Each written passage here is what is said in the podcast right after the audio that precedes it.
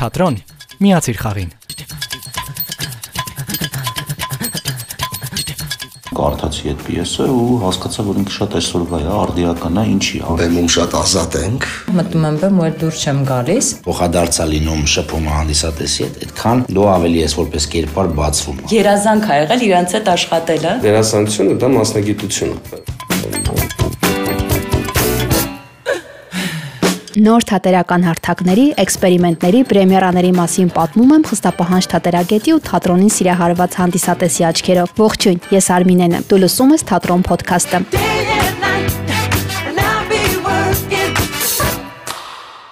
Երևանյան գրեթե բոլոր թատրոնների մասին խոսել է։ Միակը, որին դեռ չի անդրադարձել Հակոբ Պարոնյանի անվան երաժշտական կոմեդիայի պետական թատրոններ։ Սա չի նշանակում, որ ներկայացնելու ոչինչ չկար։ Ընթակառակը, այնքան շատ էին առաջնախաղերը, հյուրախաղերը, իրադարձությունները, որ չգիտեի ինչի մասին պատմել։ Ի վերջո որոշեցի սпасել աշնանային թատերաշրջանին, վստահ լինելով, որ հետաքրքիր նորություններ կունենան։ Եվ չսխալվեցի։ 81-րդ թատերաշրջանը նոր է սկսվել, բայց արդեն ներկայացվել է 3 առաջնախաղ։ Օրեր առաջ թատրոնում կրկին Երուսեր էր պատրաստվում էին հերթական պրեմիերային։ Հանդիսատեսի դատին հանձնեցին Էդուարդո դե Ֆիլիպոյի ցիլինդր կատակերգությունը։ Դե ինչ, այսօր կխոսեմ երաժշտական կոմեդիայի պետական թատրոնի եւ ցիլինդր բեմադրության մասին։ Կպատմեմ ով է ներկայացման ռեժիսորը, ինչու է այս պիեսն ընտրել, ովքեր են դերակատարները եւ ոչ միայն։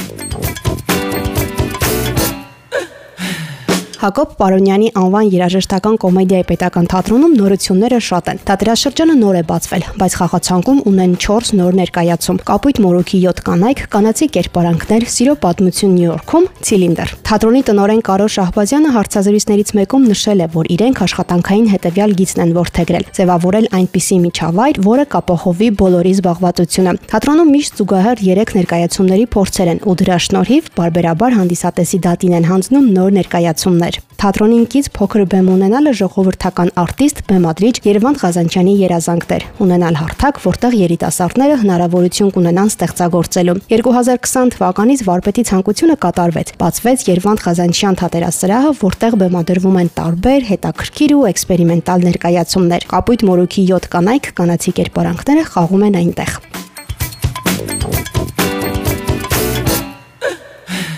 Ստեղծագործող մարդու համար կարևոր է աշխատել տարբեր բեմադրիչների հետ։ Երաժշտական կոմեդիայի պետական թատրոնի գլխավոր ռեժիսոր Հակոբ Ղազանչյանն ասում է. նոր բեմադրիչներ պետք են, որպեսզի թատերախումբը չհոգնի մեկ հոգու հետ աշխատելուց եւ կարողանա աշխատել տարբեր մարդկանց հետ։ Արթուր Սարիբեկյանը Պարոնյան թատրոնում հրավիրյալ ռեժիսոր է։ Անցյալ տարի փոքր բեմում բեմադրեց Վերոնիկան որոշում է մեռնել ներկայացումը, իսկ այս տարի Էդուարդո դե Ֆիլիպոյի Ցիլինդր պիեսը։ Երրորդ կուրսում իմ կուրսի ղեկավարը Ռաֆայել Ջրբաշյանը մի օր իր սեֆը բացեց, ասաց՝ «Արի ստեղ այդ տղա»։ Գնացի, ասաց՝ «Ես վերցրու կբեմադրես մի օր»։ Այդ դեռ 2006 թվի բան եմ ասում։ Անցան տարիներ ես մեքենագիր վիճակում կարդացի այդ պիեսը ու հասկացա, որ ինքը շատ այսօրվա է, արդիական է, ինչի, առաջինը, որովհետև Ֆիլիպոյի ստեղծագործության մեջ չկա էժանագին հումոր, եւ եթե կա հումոր, ապա դա սարկազմ է, ինչ որ բանի համար է, պատճառը հետևանքային կապը շատ խորն է, եւ ես հասկանում եի մի հատ շատ կարեւոր բան, որ այդ ցիլինդրը, որ այս կամ այն կերպ հայտնվում է հասարակության տարբեր շերտերի, տարբեր խավերի մոտ, սկսում է հրամաններ տալը,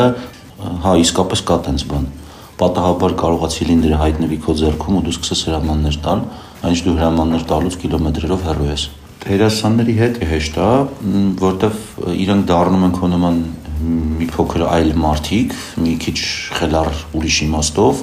հանձնվում են քեզ, նստում են քո կառքը ու ասում են դե քշի ուր ես քշում, այս այս ճանապ ուր ես տանում մեզ։ Իրանք համաձայն են, համախոհներ են, այսպես ասած, Եվ ես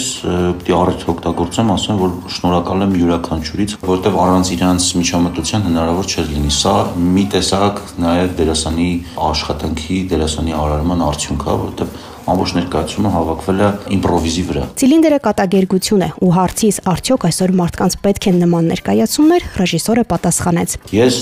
միշտ ասել եմ եւ կրկնում եմ Պիտեր Բրուկի հայտնի խոսքերը, որ Եվրոպայում երբ որ ամեն ինչ հրաշալի էր, համաշխարհային պատերազմներ չկային, մարդիկ ապրում էին տնտեսապես կայուն պետություններում, այդ ժամանակահատվածներում ծնվեցին դարաշրջանի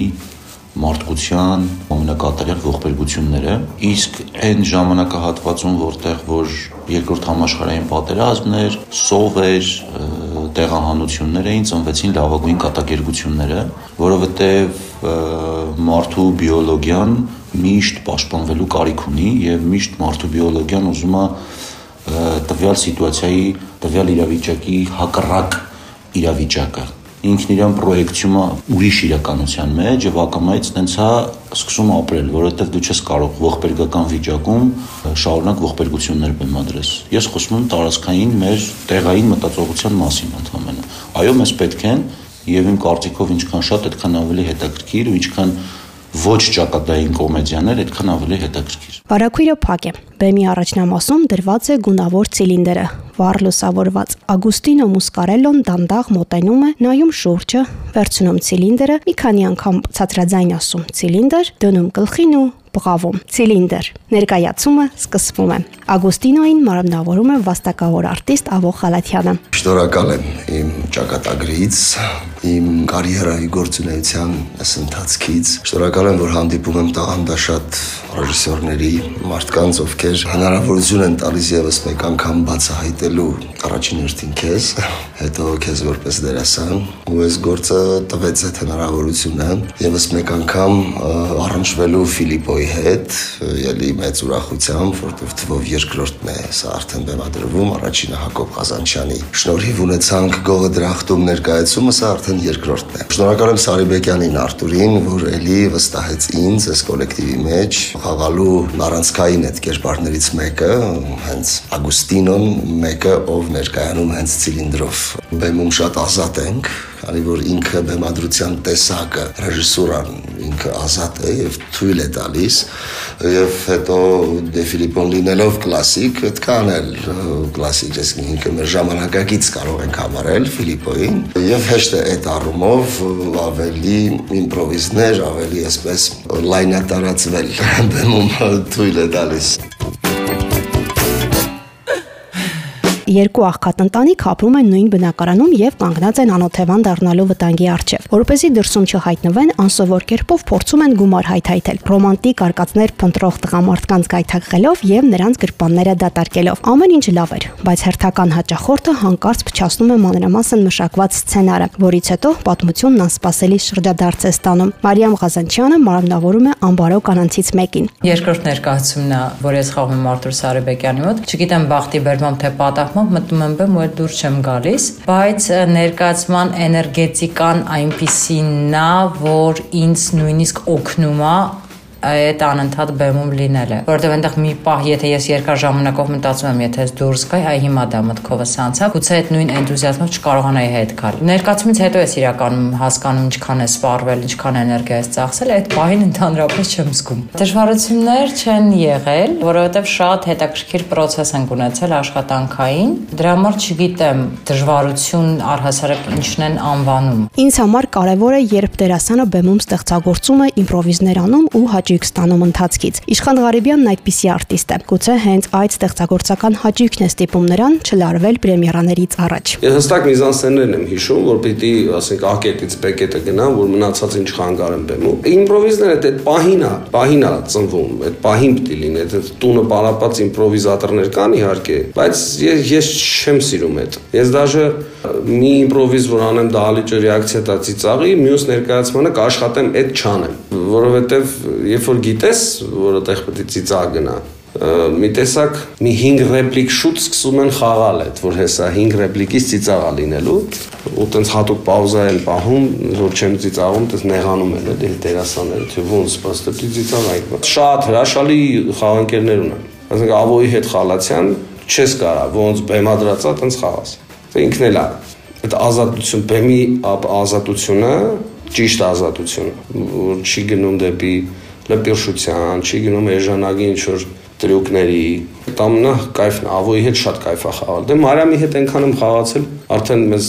նայում ենք իրար, արդեն գիտենք ինչ պիտի լինի։ Գիտես ինչ շատ կարևոր է, երբ որ բեմում մարդիկ են քո հետ, որոնք տիրապետում են մասնագիտության։ Դերասանությունը դա մասնագիտություն է։ Ուրիշ հարցա որ մեր հասարակությունը ասում է այս երեխեն դերասանա դառնալու ունես լավ տնազ անում կամ ասեն քեֆերին տաբուրետ կեն դնում են զալի մեջտեղը կանգնացնում են ասում են արտասանի ասում են այ դերասանը չէ մասնագիտություն որին կամ տիրապետում ես կամ չես տիրապետում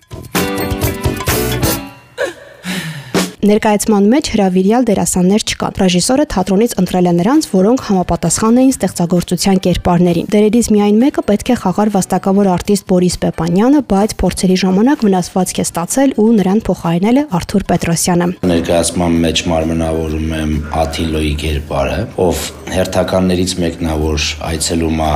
հասարակած, այսպես ճակերտներով տուն, որտեղ ուզում է իր գրքերը բավարարել ինչքան փոխադարձ է լինում շփումը հանդիսատեսի հետ, այդքան դու ավելի ես որպես կերպար բացվում, ավելի ես բացահայտումներ անում, պաուզաներն է կարևոր այնտեղ, տեքստերն է կարևոր, երաժշտությունը լսելն է կարևոր, որովհետև խաղում են 3 աստիճանի վրա դերասաններ, բարային խումբ, բալետային խումբ եւ օրկեստրը մեր նվագախումբը ու բոլորը պետքա շատ ուշադիր լինեն ներկայացման ընթացքում որ ամեն մի կետի վրա, երաժշտական կետի վրա մի գործողություն կատարվում է։ Մեծ բավականություն ենք ստացել Արթուրի հետ աշխատելով, Սարիբեկյանի հետ աշխատելով ու խումբը մեկը մյուսից հետաքրքիր։ Նույնիսկ բալետային խումբը, օրկեստրը ձուլվել ենք մեկս մյուսին։ Դերասանուհի Արևիկ Հակոբյանն էլ նշում է. մեծ պատիվ ու պատասխանատվությունը նման խաղընկերներ ունենալը։ Իրանք իմ ամենասիրելի դերասաններն են եղել, երբ որ ես ընդունվել եմ այս թատրոն, Չարենց ներկայացումն եմ նայել, որը բեմադրել էր լուսահոգի Երվանդ Ղազանչյանը։ Ես նայում էի Ավող Հալատյանի խաղը եւ հիանում էի ու երբեք չեմ պատկերացրել, որ իր հետ կարող եմ նույն բեմում լինել։ Նույնը դեռան ժամանակ, երբ որ Ձյուզում էին աշխատում Իշխան Ղարիբյան եւ Մարիամ Ղազանչյան, ես իրանց էլ էի գնում նայում։ Իրանք ինձ համար շատ բարձր լեվլով դերասաններ են եղել ու երազանք ա եղել իրանց հետ աշխատելը ու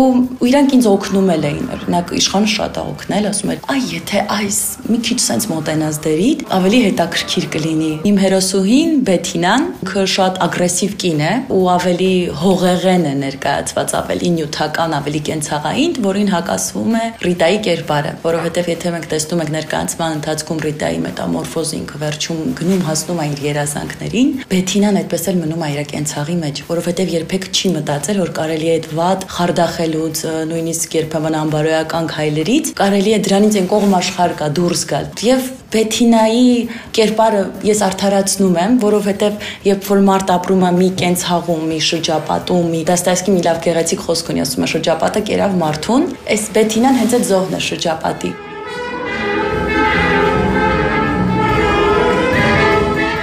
Եկել եմ դիտելու ցիլինդր ներկայացումը, այս թատերաշրջանում բեմադրված այլ ներկայացումներ դեռ չեմ հասցրել դիտել։ Ուրախ եմ, որ գոնե այս առաջնախաղին եմ ներկա։ Իհարկե, մյուսներն էլ անպայման կգամ դիտելու։ Ուզում եմ ասել, որ Պարոնյանի անվան թատրոնը շատ ակտիվ ստեղծագործում ու կարևորն այն է, որ նրանք հաճախ են հյուրախաղերով հանդես գալիս մարզերում ու կենտրոնացած չեն միայն Երևանում։ Նաև հաճախ բեմադրում են ժամանակակից հայ դրամատուրգներին։ Գովելի է, երբ հնարավորություն է տրվում երիտասարդ ստեղծագործողներին։ Ուզում եմ ասել, վարակույրը փակ է ու դա ինձ շատ է դուր գալիս։ Դե լավ, անջատեմ հեռախոսս, որովհետև ներկայացումը սկսվում է։ Փակիր աչքերդ ու պատկերացրու քեզ թատրոնում։ Աստվածյանս։ Դամեր բողոքի հնամենի սովորույթն է։ Կինը Մայիսյան բարտեր է ստանում սիրեկաններից, պոքում է քրթերը և տարսում սարցաջրով լծված լվացկակոնքում։ Հետո առավոտյան հաջորդ օրը բուրմնավետ ջրով լվանում է դեմք, ուսերը, իքը, հորիքը, մի խոսքով ինչը կամենա, այդպես լինում է միայն գարնանը և ծայրայեղ սրացումները,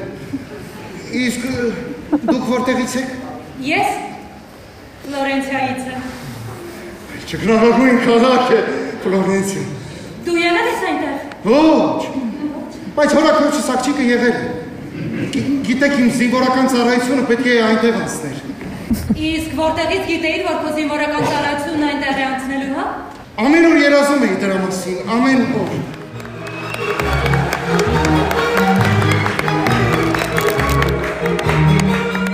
Վերջին տարիներին կատակերգություններ բեմադրվում են հանդիսատեսին ծիծաղեցնելու համար։ Ուրախ եմ, որ կան ստեղծագործողներ, որոնց համար կարևորը որակյալ կատակերգություն բեմադրելն է։ Ցիլինդրը դիտելուց հետո վստահ եմ կհամոզվեք։ Կարելի է մերկ մարմին ցույց չտալ, անորակ կատակներ չանել ու կարողանալ ծիծաղեցնել հանդիսատեսին ու ունենալ հաջողված ներկայացում։ Չմոռանամ ասել, թատրոն կարող ես լսել ամենուր։ Այցելին մեր կայք imradio.am կամ Apple Podcast, Spotify ու մնացած քեզ հայտնի podcast հարթակներ։